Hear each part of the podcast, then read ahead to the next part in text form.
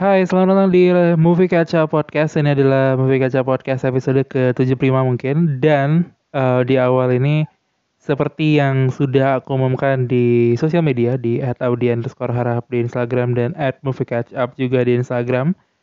Um, selama seminggu ke depan, dari tanggal 24 sampai tanggal 29, selama lima hari kurang lebih, Movie Kaca akan update satu episode per hari dalam rangka ada dua. Pertama bahwa ada beberapa film yang aku udah review tapi kok kayak ini kalau dikeluarin seminggu sekali kayaknya bakal telat nih. Apalagi aku ada beberapa episode interview yang udah direkam tapi belum naik juga gitu. Jadi uh, memutuskan untuk kayaknya dibikin serangkai dulu aja diselesain. Dan juga sebetulnya dalam rangka kemarin baru aja diumumkan nominasi akhir Festival Film Indonesia yang memang ada banyak kontroversi juga. Juga nanti kita akan ngomongin itu mungkin di episode-episode berikutnya. Nanti aku akan ada satu episode ngomongin soal FFI dan lain-lain dan aku juga ada rencana untuk live podcast bahas ini gitu ya. Uh, jadi tungguin aja kalau soal itunya. Tapi kurang lebih selama seminggu ke depan aku bakal nge-review 5 film Indonesia. Gak semuanya ada di FFI sih, cuman aku pengen nge-review 5 ini aja. Pertama uh, rangkaiannya kurang lebih akan ada Inang, akan ada Inang yang kita bahas hari ini by the way. Inang, lalu ada Perfect Strangers, lalu ada Ngeri Ngeri Sedap, lalu aku bakal nge-review seperti dendam rindu harus dibayar tuntas, seperti rindu dendam harus dibayar tuntas, sorry. Um, dan yang kelima aku akan nge-review backstage. Jadi ada lima rangkaian, bisa nambah sampai tujuh tapi nggak tahu, kayaknya kurang sih enggak ya, bisa nambah sampai tujuh tapi kurang enggak. Jadi um, selamat mendengarkan episode Movie Kecap yang selama rangkaian seminggu ke depan gitu ya kurang lebih. Um, semoga menyenangkan mendengarkan reviewnya gitu. Uh, ini nggak lain dan nggak bukan tujuan utamanya sih memang karena pengen bikin sesuatu aja untuk merayakan si FFI dan tadi uh, ada beberapa episode aku udah aku udah nonton filmnya tapi kok kayak kalau dikeluarin dalam seminggu eh dalam seminggu satu episode kok kayak kelamaan gitu jadi yaudah uh, itu aja openingnya. Uh, jangan lupa di subscribe untuk di Noise, di follow untuk di Spotify dan di follow juga untuk di uh, Pogo FM dan apps-apps lainnya, apps mendengarkan podcast lainnya. Um, selama lima hari ke depan kalian bakal dapetin asupan-asupan review film. Uh, kayaknya di antara lima itu yang gak ada di FFV tahun ini adalah Perfect Strangers. Jadi Sisanya kayaknya ada sih kalau aku nggak salah. Nanti kita bahas lebih lanjut. Oke, mari kita bahas Inang. Dan dalam episode kali ini aku bakal ngomongin Inang dari tiga sisi. Seperti biasa. Pertama ngomongin soal uh, impresi ketika menonton dan lain-lain. Apa yang aku ekspektasikan dan lain-lain. Lalu nanti akan ada part di mana aku ngomongin review versi non-spoiler. Yang aman untuk orang-orang yang belum nonton. Tapi ya sebaiknya sih nonton lah ya dan yang ketiga nanti akan ada sesi di mana aku akan review non spoiler. Biasanya aku nge-review non spoiler agak terbatas, tapi kali ini ada banyak yang pengen aku bahas. Jadi mari kita dengerin sampai habis ya. Kalau kalian nggak masalah sama spoiler, mendingan nonton sampai sampai habis sih. Uh, kalau masalah dan belum nonton, nonton dulu nanti balik lagi ke sini kita diskusi soal film Inang. Oke? Okay? Mari kita masuk dengerin lagu kampung dulu. Ya itu lagu kampung pemisah jeda antara antara segmen. Ah uh, kalau ada suara orang jualan mohon maaf ini saya masih rekamannya di rumah belum di studio. Karena yang bisa rekaman di studio hanya siapa ayo. Mau ngelucu tapi takut bahaya ya. Oke, okay, uh, eh, pertama impresi, ekspektasi dan lain-lain. Jadi aku sebetulnya udah tahu film Inang ini cukup lama karena waktu itu ada ramai-ramai film Indonesia tayang di festival film Korea dan sebetulnya uh, untuk yang cukup ngikutin film tahu bahwa filmnya sempat bocor dan uh, versi bajakannya waktu itu sempat rame gitu. Orang udah banyak yang nonton nih versi bajakan yang tayang di festival itu bocor gitu filenya dan lain-lain lah. Uh, maka waktu itu ada ketakutan juga karena film ini di uh, dibuat oleh PH IDN Pictures. Waktu itu ada ketakutan juga gitu. Nih akan akan rame nggak filmnya di bioskop? Sementara uh, filmnya udah bocor duluan nih beberapa penikmat film. Yang ngakunya penikmat film tapi masih nonton bajakan kalau ada kesempatannya. Itu udah pada nonton nih di versi bajakannya gitu. Aku sih nggak nonton. Bukan karena nggak mau tapi ke nggak ada aksesnya aja. Mohon maaf. Eh uh, bercanda lah. Jadi waktu itu filmnya udah rame. Bahwa ah inang nih. Waktu itu judul judul Inggrisnya adalah The Womb. W O M B gitu ya. Uh, filmnya udah tayang gitu. Wah di di Korea dapat banyak uh, tayang di beberapa festival dan lain-lain gitu. Uh, lalu waktu itu ini jadi makin dekat sama gue karena kan aku beberapa kali live di IDN Times ya. Uh, kan masih sama tuh IDN Times IDN Pictures masih di satu payung yang sama gitu. Jadi aku sebetulnya udah tahu ini nih udah tahu bahwa si IDN ini bakal punya film uh, maksudnya bakal punya production house dan salah satu filmnya adalah Inang uh, makin excited lagi ketika tahu bahwa yang main itu jadi pemeran utamanya adalah Naysila Mirdad nanti ada gosip soal Naysila Mirdad dan pemeran utama. Nanti tapi di sesi non spoiler, oke? Okay? Atau di sesi, ya di sesi non spoiler lah. Nantilah, nanti, oke? Okay? Nanti seru soalnya. Uh, aku makin excited karena walaupun kita taunya Mbak Naysila sebagai pemain sinetron, tapi aku sih udah bisa bilang bahwa memang dia aktingnya bagus gitu di sinetron pun beberapa sinetron yang aku ikutin waktu masih kecil dulu karena keluarga nonton sinetron emang Mbak Naysila ini salah satu aktris yang bagus gitu sebagai seorang aktris, sinetron gitu serius gitu. Um, ntar eh ada ini ada notif Discord. Sorry memang harusnya dibatiin sih. Sorry ya guys ya. Nah jadi aku makin excited tuh. Wah nasi Naysila Mirdad pertama kali main film horor di IDN Pictures uh, PH debutan juga bisa dibilang gitu ya film pertamanya Balade Siroy. Tapi Balade Siroy belum tayang baru kemarin uh, debut di tayang di Jakarta Film Week gitu.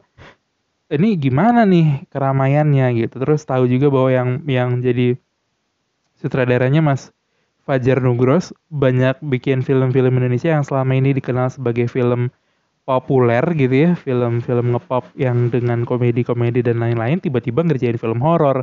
Makin excited lagi. Ditambah um, tadi IDN Pictures tuh jadi nama IDN tuh jadi jadi menarik. Karena sebenarnya kalau ngikutin gosip-gosip di uh, dunia media nih gitu ya aku sih tipis-tipis ngikutin bahwa ini IDN emang lagi gila-gilanya gitu. Salah satunya ngambil JKT ngambil uh, bikin live streaming platform um, platform beritanya makin rame dan lain-lain sampai akhirnya ada ADN Pictures. Jadi ini secara keseluruhan ekspektasiku udah dibangun seru, hype-nya udah bangun seru dan um, ada cerita sedikit ketika mau nonton waktu itu jadi ada ada ramai-ramai waktu itu.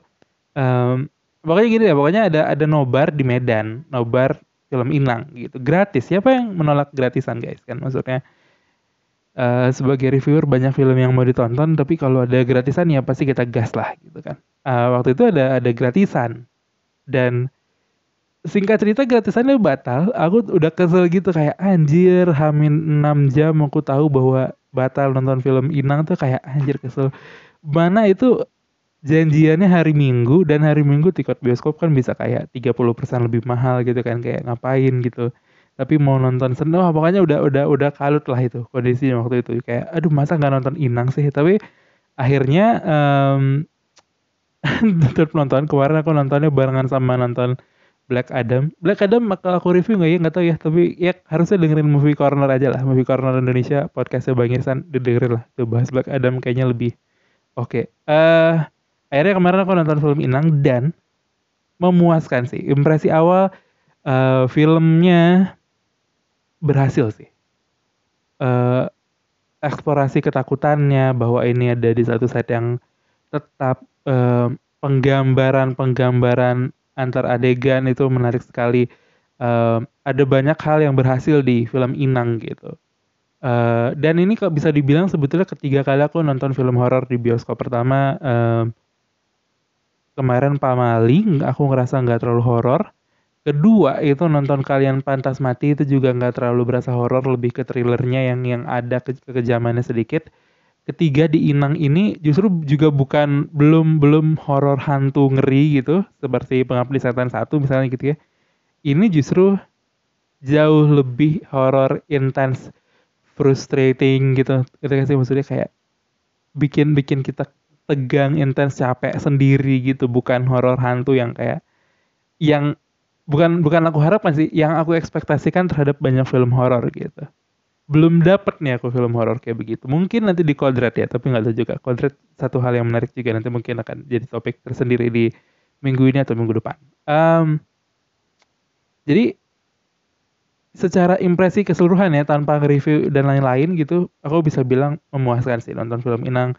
Um, seru aku bisa ngeliat gayanya Mas Fajar Anjay tapi ya kurang lebih keseruan sih ini ini memuaskan nggak ada yang mengecewakan dari film Inang sih menarik filmnya uh, selama hampir dua jam dihibur dengan uh, horor yang naik turun dan cerita yang menarik gitu. Horor tuh kan sering kali mengesampingkan nilai cerita yang menarik gitu. Maksudnya mereka fokus pada jump scare dan ketakutan-ketakutan yang ditanamkan pada penonton, tapi film Inang secara cerita juga menarik, secara background cerita juga menarik. Mari kita bahas sinopsisnya, anjay. Jadi film Inang ini bercerita tentang Inang-inang Sambu di Nggak. Uh, film Inang ini bercerita tentang seorang karyawan supermarket bernama Wulan itu hamil di luar nikah. Jadi dia hamil, ditinggalin sama laki-laki brengsek satu itu, lalu dia kebingungan gitu. Ini harus gimana ya dengan dengan bayi ini gitu. Dan akhirnya dia bergabung dengan sebuah grup Facebook bernama Support Bumil. Um, by the way, Ulan ini diperankan oleh Naysila Mirdad ya.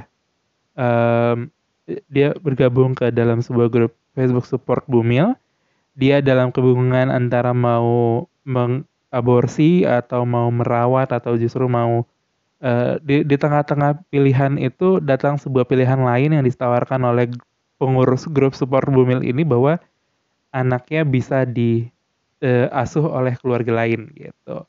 Sepertinya di situ deh sinopsisnya. Selebihnya antara spoiler atau mengurangi kenikmatan menonton. Jadi pokoknya kurang lebih sampai situ sih. Uh, gini deh, sebagai bikin ini supaya jauh lebih menarik ya. Jadi kan dia udah itu itu cerita terpisah ya.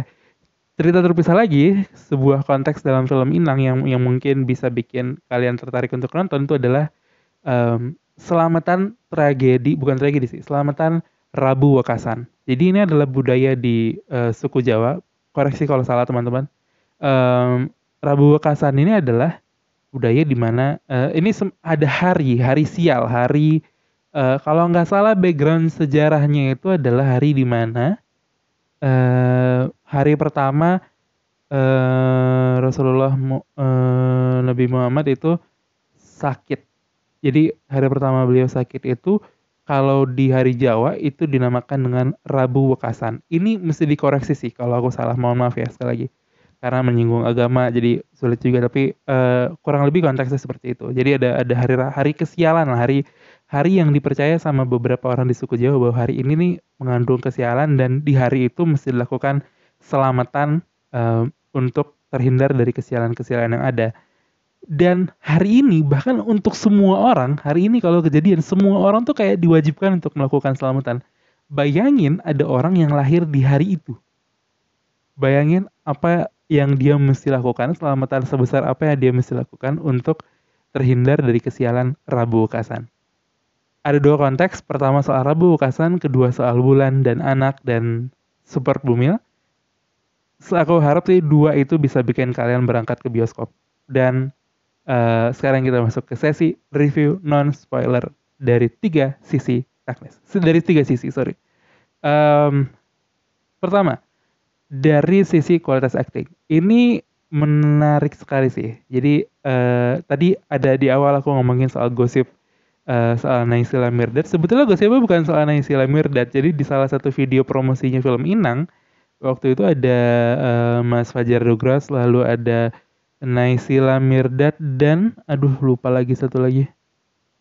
Oh sama Pak Rukman Rosadi itu diundang ke acaranya uh, Ko Ernest di YouTube di HHH TV uh, di acara Inframe itu kan acara yang sekarang jadi patokan perfilman Indonesia gitu ya keramaian keramaiannya di situ um, diundang dan ada sebuah gosip yang bikin menarik uh, beberapa orang gitu bahwa katanya uh, justru awalnya itu perannya bukan diberikan untuk Naysila Mirdad. Ada satu aktris yang katanya dapetin peran itu. Aktrisnya sendiri mau dapetin peran ini, mainin peran ini, tapi keluarga dan orang-orang terdekat memilih untuk jangan deh karena peran Wulan dalam film ini memang bisa dibilang cukup berbeda lah gitu. Maksudnya agak seperti orang kebanyakan aja gitu. Wulan sering kali mengucapkan kata anjing gitu ya. Maksudnya kayak aduh, seperti kebanyakan orang yang ya udah cablak aja gitu di kehidupan normal gitu. Jadi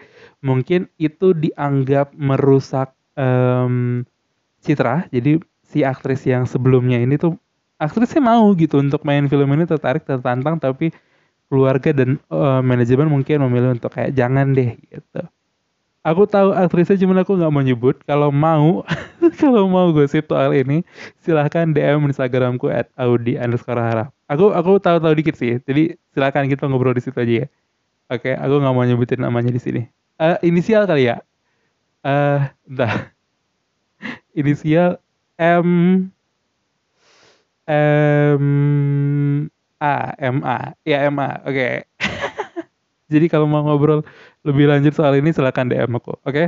um, ada nyamuk bentar. Namanya juga rekaman di rumah ya sih? Nah um, lanjut lagi dari tadi dari sesi kualitas acting. Semuanya deliver actingnya dengan baik sih. Aku nggak mau kasih tahu karakternya siapa jadi siapa tapi pokoknya nih actingnya bagus-bagus semua.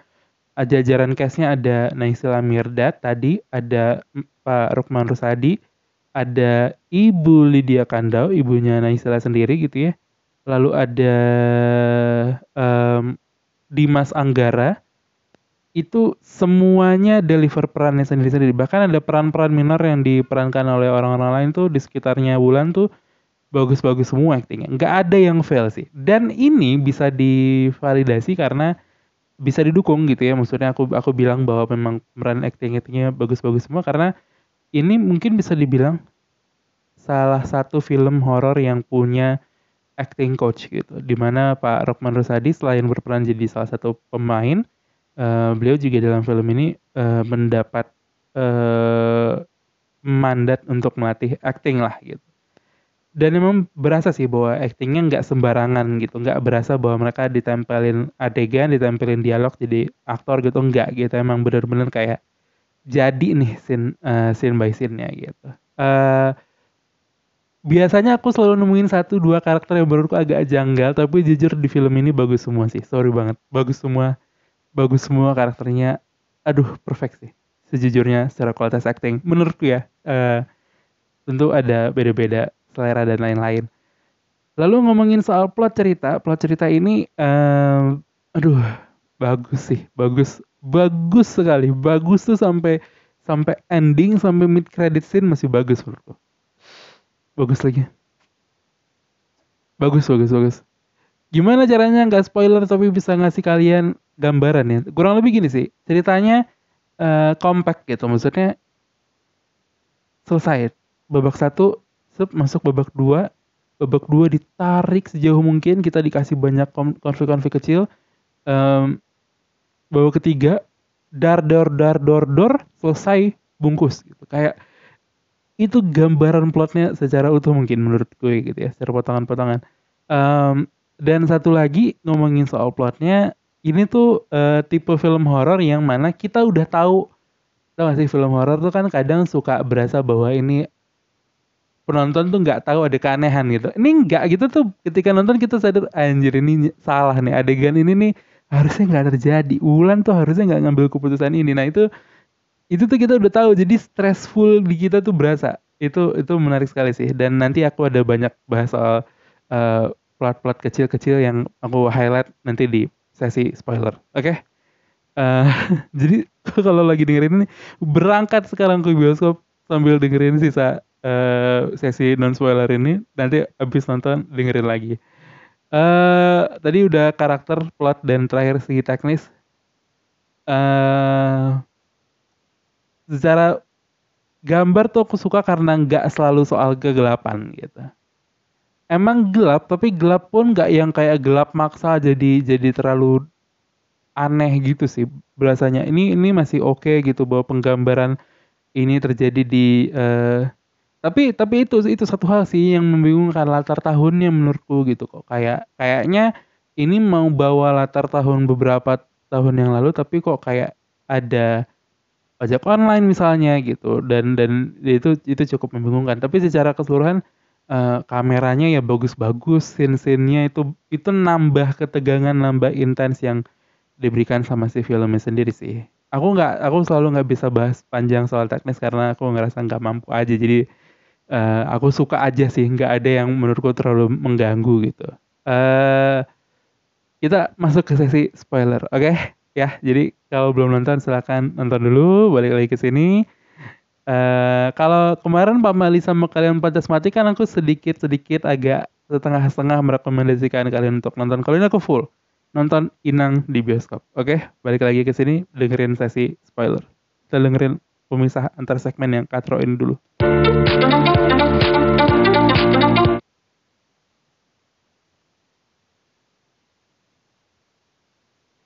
Minum boleh kasih minum boleh ya, ntar minum dulu.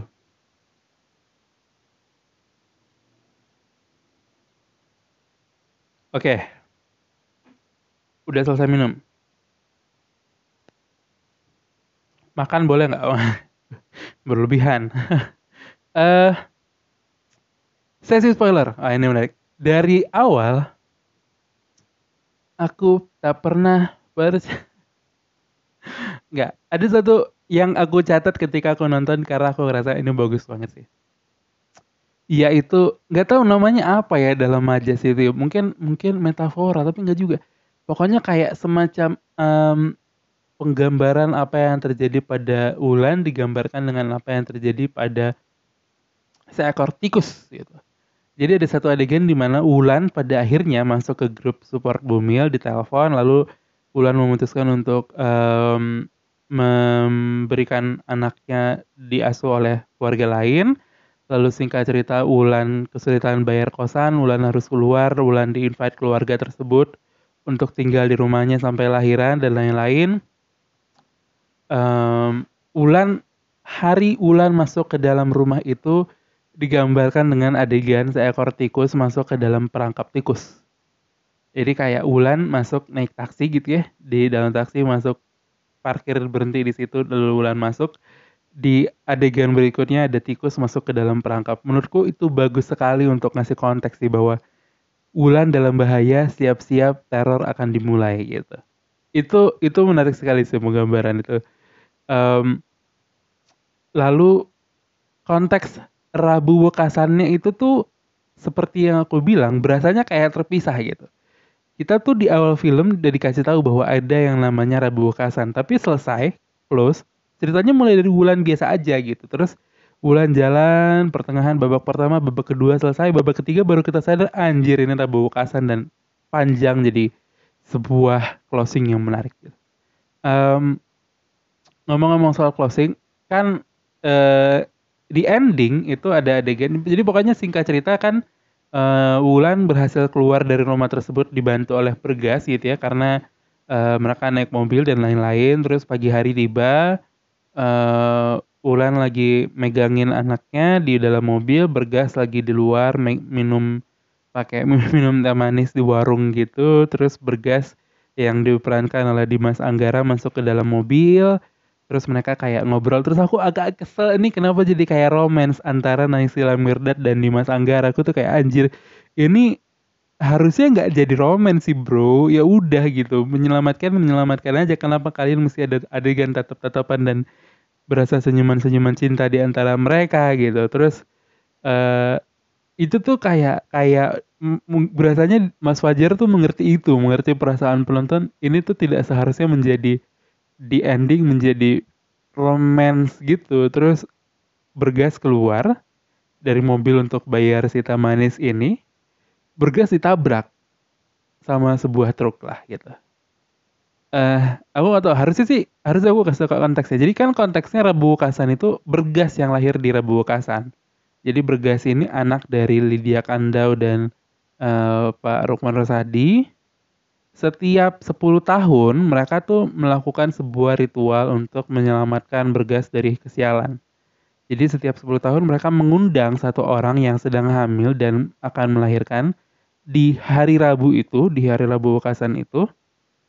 Jadi itu dijadikan tumbal lah gitu. Setiap uh, ibu dan anaknya ini dijadikan tumbal agar bergas uh, selalu sehat gitu. Jadi awalnya bergas tuh nggak ada di rumah itu kan.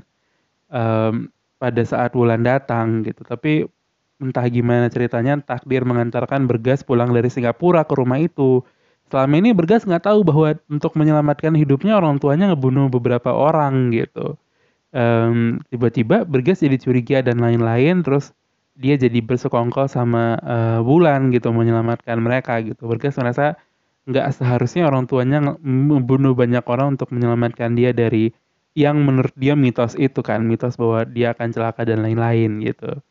Balik lagi ke ending film di mana Bergas ditabrak. Kan Burga sudah menyelamatkan nih. Kan artinya uh, tumbalnya nggak ada nih di hari itu kan. Tapi ternyata Burga ditabrak sama sebuah truk. Um, truknya agak mencurigakan sih karena ya itu itu bagian lain lah. Tapi pokoknya Bergas ditabrak menggambarkan bahwa anjir Bergas beneran sial gitu kan. Kan itu ya itu itu yang itu yang digambarkan gitu. Terus aku tuh bubar ke situ kak. Bubar abis itu karena uh, keluar duluan karena pertama udah mau ke kamar mandi terus Black Adamku tuh udah mulai gitu. Karena aku beli tiketnya maraton gitu kan ceritanya. Jadi aku salah perkiraan Black Adamku udah mulai jadi aku mesti cepet-cepet keluar gitu. Aku nggak nonton adegan itu adegan setelah itu setelah bergas kecelakaan gitu um, aku keluar nonton Black Adam. Sepanjang nonton Black Adam tuh masih kepikiran anjir mid, mid kreditnya Inang tadi apa ya? Terus aku nanya di grup uh, grup Moviesy gitu akhirnya ada satu orang yang menjelaskan lah gitu bahwa uh, ini yang menurutku jadi filmnya jadi perfect balance gitu bahwa adegan itu menggambarkan Ulan yang melahirkan anak yang akhirnya dia namain Bergas juga itu kan anaknya kan lahir di Rabu Kasan kan Ulan kan tadinya nggak percaya kan bahkan Ulan tadinya mau dijadikan tumbal gitu. Tapi ketika dia ngelihat anjir Bergas di Mas Anggara nih ketika nggak ada tumbal yang diberikan untuk keselamatan dia dia tabrak nih mati dia gitu. Akhirnya 10 tahun berikutnya Hulan ngelakuin hal yang sama dengan mengambil menjadikan wanita hamil lainnya sebagai tumbal gitu untuk keselamatan anaknya. Dan teror itu e, ritual itu berlanjut ritual Rabu Kasan itu berlanjut gitu itu itu ending yang menurutku bagus sekali sih bahwa ini tuh hal yang berasanya jadi semacam kritik kepada masyarakat juga kayaknya gitu. Apa yang dilakukan sama Mas Fajar ini gitu. Kita mau percaya mau enggak tapi it happens gitu. Gimana? Nah, itu itu jadi semacam konflik yang ditaruh di akhir gitu yang yang kayaknya memang at the end of the day mesti diselesaikan sama masing-masing penonton gitu. Masing-masing mesti ngambil uh, sudut pandangnya sendiri gitu. Bagus sekali endingnya menurutku. Um, saya aku nggak bisa ngelihat adegan terakhir itu ya. Tapi bagus sekali sih bahwa uh, tradisi itu berlanjut itu tuh jadi konflik lain lah gitu. Um, adegan favorit. Adegan favoritku itu ini baru mau di closing karena aku nggak mau lebih dari 30 menit. Jadi adegan favoritku itu um, ada banyak uh, tentu ada banyak adegan-adegan serius tapi ada menurutku ada beberapa adegan yang disisipkan seperti semacam adegan komedi gitu. Um, bukan komedi lucu situasi dan lain-lain enggak itu tapi kom komedi yang kayak dikasih jump scare jump scare nggak penting gitu kayak anjir ngapain di jump scare sih adegan kayak gini-gini? Bisa kayak ibunya tiba-tiba muncul pakai center gitu itu kayak anjir ngapain sih? Dan dan itu tuh studio itu uh, khususnya di, di di studio ketika aku nonton itu kita sama-sama merasakan bahwa ini film tuh nyoba ngerjain kita dengan jump scare jump scare anjing tadi kan gitu. Maksudnya kayak anjir ngapain sih jam scare jam scare gak jelas gitu? Bukan jam scare hantu juga bukan jam scare horor juga gitu. Jam scare jam scare sialan aja kayak khas-khas video parodi horor di Instagram gitu sialan sih uh, dan itu itu menarik menurutku karena jadi jadi stress relief kita di tengah-tengah adegan yang intens dan bikin kita pusing tadi sih um, adegan favorit uh, menurutku adalah ini adegan yang mungkin nggak terlalu banyak diomongin tapi adegan favoritku adalah adegan di reveal bahwa benar keluarga ini bermasalah. Jadi ada satu adegan di mana um, kan kita begitu Wulan masuk perangkap tuh kan kita masih ada di asumsi kita bahwa keluarga ini punya punya masalah nih. Keluarga ini ada yang ada yang beda nih. Um, itu jadi terkonfirmasi dengan cara yang paling bagus menurutku. Jadi Wulan nelfon temennya gitu. Hey uh, namanya siapa ya? Lupa sorry. Uh, hey Anya Dwinov nama ingat Anya Dwinov ya hey uh, siapa namanya? Fitri gitu misalnya ya. Hey Fitri uh, jemput aku dong aku nggak punya uang aku mau keluar dari rumah ini rumah ini aneh gitu. Kan Ulan cerita gitu kan karena dia udah ngeliat beberapa keanehan gitu. Terus adegan itu tuh ternyata kelihatan sama uh, Lydia Kandau istrinya Rukman Rusadi gitu. Uh, Ulan mau kabur dari rumah dengan meminta temannya datang gitu. Tapi sambutan Lydia Kandau tuh kayak kamu mau ke mana? gitu iya ada temanku mau datang. Oh iya aku seneng banget sih kalau ada yang mau datang ke rumah ini. Kan sorry. sorry kan jadinya rumah ini rame dan lain-lain gitu. Tapi di malam hari ada adegan di mana Rukman Rusadi sebagai uh, orang yang so suaminya Lydia Kandau itu datang ke rumah temennya datang ke kos-kosan temennya Ulan pura-pura jadi tukang gojek gitu itu ojek online gitu nganter makanan nganter sate. Terus kayak ini satenya udah pesan tadi. Terus uh, temennya bulan kayak enggak gak ada pesan sate tapi udah dibayar. Oh ya udah deh gitu. Akhirnya masuk makan. Temennya bulan dan pacarnya makan gitu ya. Terus kayak mati gitu ya karena diracun. Adegannya nggak selesai sampai situ gitu. Dia ada anjir itu adegan di mana recorder tadi masuk dia ganti baju dulu gitu ya di depan uh, ganti baju pakai baju yang santai setelah uh, penyamarannya jadi ojol. Dia masuk ke dalam rumahnya temennya Wulan gitu terus kayak dia ngebunuh ngegorok lehernya temennya Wulan terus digorok darahnya ditaro ke pisau terus pisaunya ditaruh di tangannya temennya Wulan pacarnya Wulan gitu. Eh pacarnya Fitri temennya Wulan gitu. Terus kayak adegan itu tuh paling anjir. Kayak anjir tervalidasi keluarga ini brengsek. Gitu kayak adegan itu menurutku frustrating sekali sih. Gila sih adegan itu. Dan banyak adegan lain ya. Aku tuh sempat khawatir ketika aduh nggak bisa sih. Udah 32 menit. Seru banget ya, tapi film Inang bagus banget sih sialan. Jadi adegan itu uh, diikuti dengan adegan lainnya ketika bergas datang. Sejujurnya aku sempat khawatir karena aku nggak terlalu uh, mengerti kualitas aktingnya di Mas Anggara di film-film sebelumnya gitu. Setahu aku uh, Mas Dimas ini banyak tergabung di film-filmnya Starvision ya kalau nggak salah atau screenplay atau apalah namanya yang yang I Love You from 3000 apalah week itu apalah ya gitu gitulah pokoknya kan jadi kayak aku sempet ragu sebetulnya sama kualitas aktingnya ketika tiba-tiba hadir dalam film ini tapi ternyata bagus banget sih aktingnya acting uh, beliau jadi anak yang sebelumnya nggak tahu apa-apa terus mulai ke reveal bahwa dia uh, untuk menyelamatkan hidupnya orang tuanya ngebunuh banyak perempuan dan anak bayi yang baru lahir. Itu tuh menarik sekali perkembangan karakternya bergas justru. Dan um, Ulan juga di satu sisi di mana Ulan berubah dari orang yang tadinya kayak cacis cus cacis cus tiba-tiba jadi banyak mikirnya dia mesti mikirin uh, keselamatan anaknya dan lain-lain itu tapi uh, ini jadi banyak sekali protesnya ke sana kemari sih soal bahwa hubungan di luar nikah dan lain-lain uh, bahwa banyak sekali kejadian-kejadian kriminal di dunia ini terjadi bukan karena kitanya bodoh dan mau jadi korban gitu tapi karena kejadian terhimpit-terhimpit tadi gitu. Jadi ini bikin film Inang jadi sempurna sekali sih di mata aku sejujurnya. Menarik sekali sih. Um, adegan-adegan horornya nggak ada hantu sama sekali cuman penampakan-penampakan yang bikin kayak anjir ini Wulan sih mati-matian sekali untuk keluar dari rumah ini gitu. Ah gila. Lewat juga 34 menit. Terima kasih sudah mendengarkan movie up episode Inang besok dengerin episode-episode lainnya selama seminggu ke depan gitu ya. Jangan lupa di follow Instagramnya di @audi harahap dan @moviecashup dan kalau mau bantu sawer-sawer bisa ke saweria.co slash audi harahap atau bisa cek linknya di Instagram. Kalau ditanya review secara keseluruhan mungkin aku bisa kasih Inlang ini 9 per 10 sih. Um, aku sangat-sangat menunggu Corin dan Belada Siroy dari uh, IDN Pictures. Terima kasih sudah mendengarkan. Sampai jumpa di episode berikutnya. Dadah!